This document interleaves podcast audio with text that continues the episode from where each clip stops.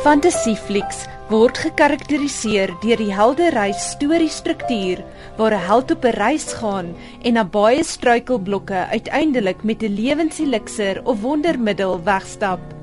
Die regisseur van Die Windpomp, Etienne Fourie, weier om met 'n held vergelyk te word maar gee wel toe dat die fliekmaakproses soveel uitdagings gehad het dat dit kompleet so so 'n reis gevoel het. My persoonlike reis om die fliek te maak was nogals 'n uh, epiese een. Ek moet sê dit was dikwels frustrerend ook geweest, maar wanneer dit uitwerk, is dit soveel meer bevredigend. Dit was eintlik gebaseer op klomp verskillende kortverhale en goed wat ek geskryf het daai tyd en vir my die idee van 'n windpomp, daai ikoniese beeld is my so ontsettend belangrik geweest want ek voel vir 'n Suid-Afrikaanse persoon en Afrikaanse persoon veral eintlik is dit iets wat so bekend is, maar as jy dink aan 'n windpomp, is dit gewoonlik op 'n dorplandskap of iets soos dit en ek wou hierdie windpomp wat so baie verteenwoordig vir ons eintlik as 'n kultuur, sit in water met lewe, oorvloed. So dit was my een van die eerste goed wat my geïnspireer het om op hierdie reis te gaan.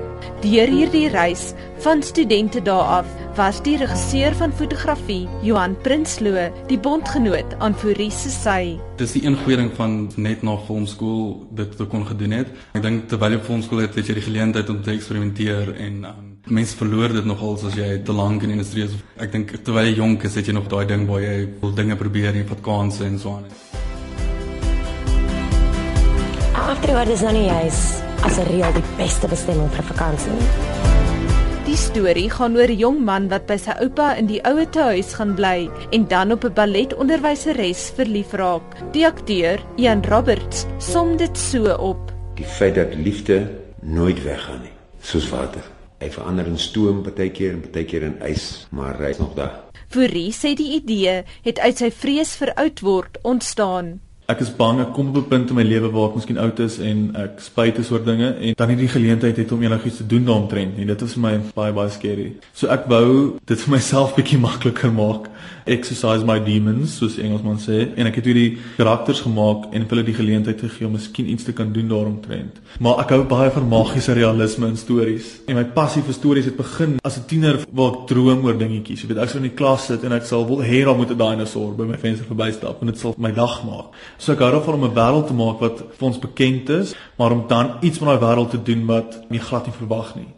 En die eindresultaat, die aktrise Marga van Rooi. Iets niets vir Afrikaanse films, hoor.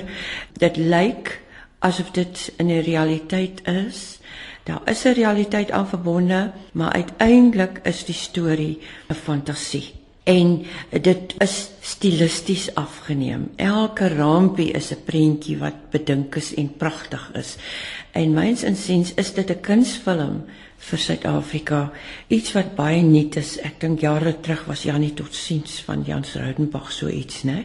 Terwyl van Rooi Fourie in dieselfde asem as Jans Rautenbach noem, vergelyk die aktrise Greta Fox sy styl met die van Mani van Rensburg. Mani van Rensburg het op 'n gestileerde manier gewerk. Dis 'n ander tydperk, dis 'n ander era, maar ek dink Etienne is vir my een van die regisseurs wat eintlik die kind is van die Mani van Rensburg era. Die sorgvuldigheid, die detail, die feit dat hy die tekste self skryf, dat hy kan werk met styl sowel as inhoud en dat hy so visueel dink. Ek dink as Mani van Rensburg vandag geleef het, sou hy mal gewees het oor Etienne Fourie se werk. Maar hoekom sê Fox so? Want Etienne is een van die rare siele wat sy lewe begin as 'n skilder en hy sien die lewe in prentjies en hy kan ook skryf en dit lei hom direk tot film maak. Van Rooi stem saam. Toe Etienne vir my die draaiboek gestuur het, het hy skilderye bygemaak om vir my te wys byvoorbeeld die dam met die windpomp in wat hy in gedagte het, nê? So hy kyk met 'n skildersoog en dis nie altyd wat jy dit kry nie. Volgens Fourie was die Suid-Afrikaners wat die windpomp gaan kyk, uiteindelik sy grootste inspirasie. Ons lewens is chaoties genoeg en dramaties genoeg en so aan. Jy het nie nodig om te betaal om dit te sien nie. Dit is lekker om net bietjie te speel met daai idee wat ons het van wie Afrikaans mense is, want ek dink ons is magical. En as mens net 'n bietjie moeite doen om dit raak te sien, gaan jy sien dit is oral. Ek is Anne Marie Jansen van Vuren in Johannesburg.